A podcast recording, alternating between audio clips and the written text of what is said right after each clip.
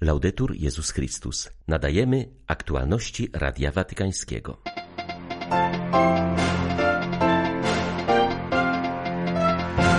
Do cierpliwej pracy nad sobą zachęcił papież Polaków na środowej audiencji ogólnej. Katechezę poświęcił kolejnym wadom głównym zazdrości i pragnieniu próżnej chwały. Franciszek przypomina o dramacie Ormian wypędzonych z górskiego Karabachu. Mówił o tym na audiencji dla katolików obrządku ormiańskiego. 80 tysięcy mężczyzn codziennie odmawiających różaniec wzięło udział w specjalnej pielgrzymce do Aparecidy. Jest to główne sanktuarium maryjne w Brazylii. 28 lutego wita Państwa Krzysztof Bronk. Zapraszam na serwis informacyjny. Papież nadal zmaga się z przeziębieniem. Dziś jednak, w przeciwieństwie do dni poprzednich, nie odwołał zaplanowanych audiencji. Wziął też udział w cotygodniowym spotkaniu z wiernymi w auli Pawła VI. Poprosił jedynie księdza prałata Filipa Ciampanelliego z sekretariatu stanu o przeczytanie w jego imieniu katechezy i pozdrowień. Natomiast po audiencji ogólnej Franciszek udał się do szpitala na Wyspie Tyberyjskiej w Rzymie.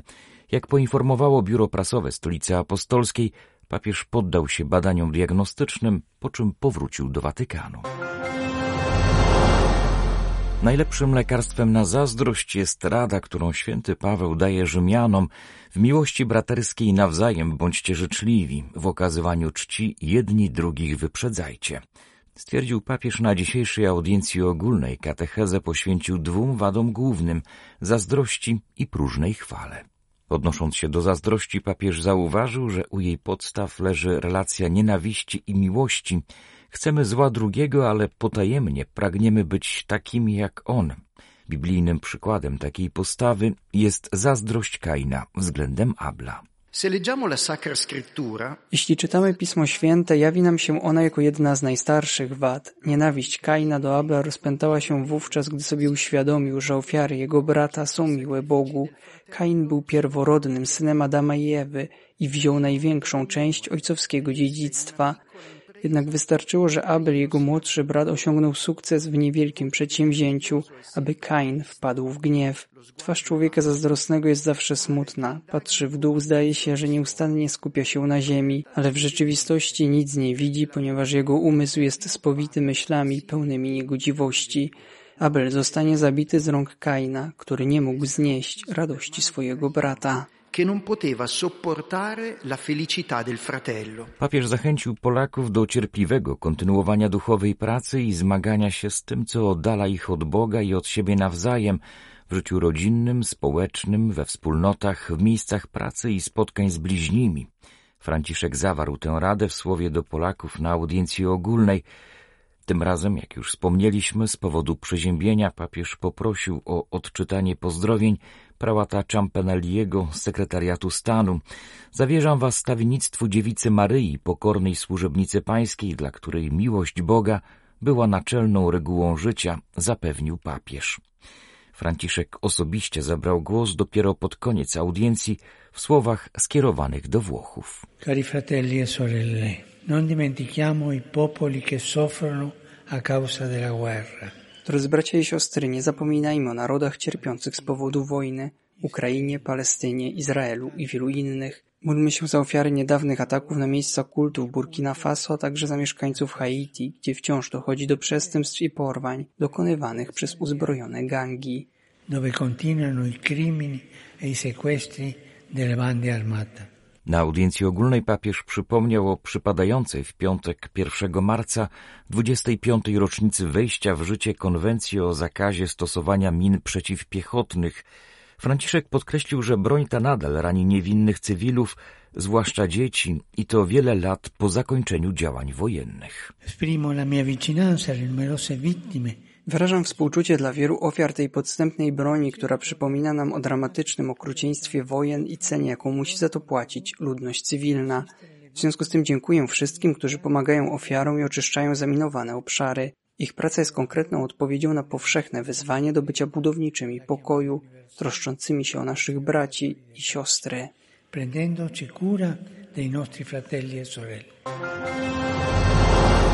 Jak nie przywołać słowami, ale przede wszystkim modlitwą Armenii, a zwłaszcza wszystkich, którzy uciekają z górskiego Karabachu, liczne uchodźcze rodziny szukające schronienia wyraził się dziś papież podczas spotkania z uczestnikami synodu ormiańsko-katolickiego patriarchatu Celicji. Ojciec Święty zauważył, iż jedną z podstawowych odpowiedzialności synodu stanowi wybranie przyszłych biskupów dla Kościoła. Podkreślał, aby wystrzegać się przy tym kumoterstwa i unikać kandydatur karierowiczów. Pasterze nie mogą myśleć o uzyskiwaniu dalej coraz to bardziej prestiżowych stanowisk. Jeśli jakiś hierarcha widzi własną eparchię jako możliwość wybicia się wyżej, ryzykuje popełnienie duszpasterskiego cudzołóstwa, wskazał papież. Franciszek wzywał przedstawicieli wspomnianego katolickiego kościoła wschodniego do kultywowania ducha braterstwa względem potrzebujących i ubogich, ale także względem między innymi seminarzystów, aby wzbudzać w nich kulturę potrzebną do autentycznej służby Ewangelii.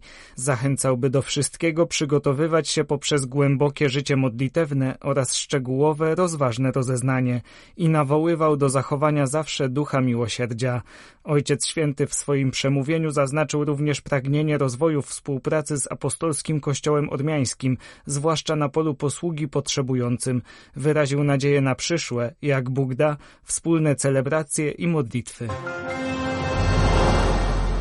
Wojna w Sudanie trwa już od dziesięciu miesięcy. ONZ alarmuje, że obie strony konfliktu dopuszczają się ostrzału w miejscach gęsto zaludnionych. Odnotowuje się też haniebne czyny po obu stronach, takie jak paradowanie z obciętymi głowami przeciwników czy zbiorowe gwałty. Na miejscu wciąż są obecni chrześcijanie. Ci, którzy zostali, pomimo wszelkich trudności, starają się wspólnie gromadzić na modlitwie, mówi misjonarz pracujący w Sudanie, który zgodził się na wywiad pod warunkiem zachowania anonimowości. Co najmniej dwa miesiące temu mówiło się o dziesięciu tysiącach bezpośrednich ofiar. To jest ludzi, którzy zginęli w wyniku ostrzału lub walk, ale z pewnością pośrednich ofiar jest znacznie więcej, ponieważ szpitale nie działają, apteki zostały spalone, ludzie nie mogą pracować i nie mają za co kupić jedzenia. Pierwszej kolejności cierpią osoby starsze, chore i dzieci. Jakiś czas temu czytałem, że w jednym z obozów dla uchodźców na granicy z Czadem co 40 minut umierało jedno dziecko, co oznacza, że każdego dnia umierało 25 do 30 dzieci. Skala cierpienia i zniszczenia jest niewiarygodna, więc ta liczba 10 tysięcy ofiar bezpośrednich to śmieszna liczba, jeśli weźmie się pod uwagę, jak wielu ludzi umiera z głodu lub braku dostępu do opieki medycznej fame, muoiono perché non hanno accesso alle medicine. Misjonarz przypomina, że Kościół był zawsze mniejszością w Sudanie i działał na marginesie życia społecznego. Przed wybuchem wojny należał doń milion osób, czyli 2% społeczeństwa. Teraz chrześcijan jest mniej, bo wielu z nich w obliczu wojny opuściło kraj. In generale la vita delle parrocchie, la vita delle scuole Mówiąc ogólnie, życie parafii, szkół katolickich lub innych struktur kościelnych, takich jak szpitale, kliniki i tym podobne, zostało przerwane, a ludzie się rozproszyli. Wielu zagranicznych misjonarzy opuściło kraj, a ci nieliczni, którzy pozostali, musieli przenieść się poza stolicę. W Chartumie w tej chwili mamy trzech księży katolickich i cztery salezjanki. Jest jeszcze jeden kapłan, o którym nie mam wiadomości od tygodni. Wciąż są grupy katolickich chrześcijan, którzy zbierają zbierają się w niedzielę, aby wspólnie się modlić, nawet jeśli pozostali w Chartumie, zwłaszcza na przedmieściach. Więc mimo bombardowań, mimo trudności w poruszaniu się, ludzie gromadzą się na modlitwie z katechetami, którzy zostali w Chartumie. Nie mają jednak dostępu do sakramentów, nie mają dostępu do zwykłego życia Kościoła. vita ordinaria della Chiesa. Ecco. W ostatnią niedzielę ponad 80 tysięcy mężczyzn dotarło do Aparecidy w ramach 16. edycji pielgrzymki mężczyzn codziennie odmawiających różaniec. To największa grupa pątnicza, jaka przybywa corocznie do tego brazylijskiego sanktuarium. Wspólna modlitwa różańcowa mężczyzn została zainicjowana w 1936 roku w mieście Itabi w stanie Sergipe usytuowanym w północno-wschodnim regionie Brazylii. Pod koniec odbywających się misji ludowych kapucyn ojciec Peregrino zachęcił mężczyzn, aby wspólnie odmawiali różaniec. Z biegiem czasu pobożność różańcowa rozprzestrzeniła się po całej Brazylii Brazylii, Aktualnie różaniec mężczyzn stał się ruchem narodowym. Gleison Lozer, sekretarz generalny Różańca Mężczyzn w Brazylii ocenia, że ponad milion mężczyzn uczestniczy w tej wielkiej rodzinie maryjnej. Tegorocznej pielgrzymce towarzyszyło hasło Różanie z mężczyzn, celebrować Słowo Boże w domu Matki. Natomiast mottem były słowa psalmisty Twoje Słowo jest światłem na mojej drodze. W tegorocznej pielgrzymce wzięło udział ponad 80 tysięcy mężczyzn przybyłych z różnych regionów tego kraju, którego terytorium jest 28 razy większe od Polski. Ze względu na tak liczną obecność, większość pielgrzymów modliła się poza bazyliką, ponieważ świątynia może pomieścić 30 tysięcy osób. Należy podkreślić, że w kwietniu ubiegłego roku parlament brazylijski ustanowił prawo, na podstawie którego został ustanowiony Narodowy Dzień Różańca Mężczyzn. Jest on obchodzony 8 września. Z Brazylii dla Radia Watykańskiego ksiądz Zdzisław Malczewski, Chrystusowiec. Przyszłą sobotę przypada wiosenny Dzień Katakumb. Tym razem wpisuje się on w przygotowania do przyszłorocznego jubileuszu. Jego temat to od pamięci do modlitwy. Jak mówi Radiu Watykańskiemu przewodniczący papieskiej Komisji Archeologii Sakralnej, katakumby ożywiają naszą pamięć i to w bardzo konkretny sposób. Przy chrześcijańskich grobach bardzo często znajdujemy jakieś znaki, symbole, obrazy, które przywołują konkretnego człowieka, jego historię. W ten sposób przenosimy się w głąb dziejów, do czasów leżących również u podstaw naszej wiary, mówi ksiądz Pasquale Jacobone. E Pomyśleliśmy, że wizyta w katakumbach i związane z nią wspomnienia i świadectwa mogą być ważną okazją do przygotowania się na jubileusz. Wizyta w katakumbach sprzyja bowiem refleksji, a także modlitwie. W tym roku wybraliśmy dla zilustrowania tematu jedno z najsłynniejszych przedstawień naszych katakumb. Wizerunek modlącej się osoby odkryty w katakumbach Pryscylii. To bardzo piękny obraz obraz bardzo sugestywny, postać kobiety wznoszącej oczy ku niebu, ale wizerunek modlącej się osoby jest w katakumbach wszechobecny, podobnie zresztą jak w całej sztuce wczesnochrześcijańskiej. To znak, który ma zachęcać, by zwracać się ku niebu, zarówno po to, by dziękować Panu, jak i by prosić o pomoc, wsparcie, zwłaszcza w trudnych chwilach, żeby w każdym razie zawsze podążać ku niebu.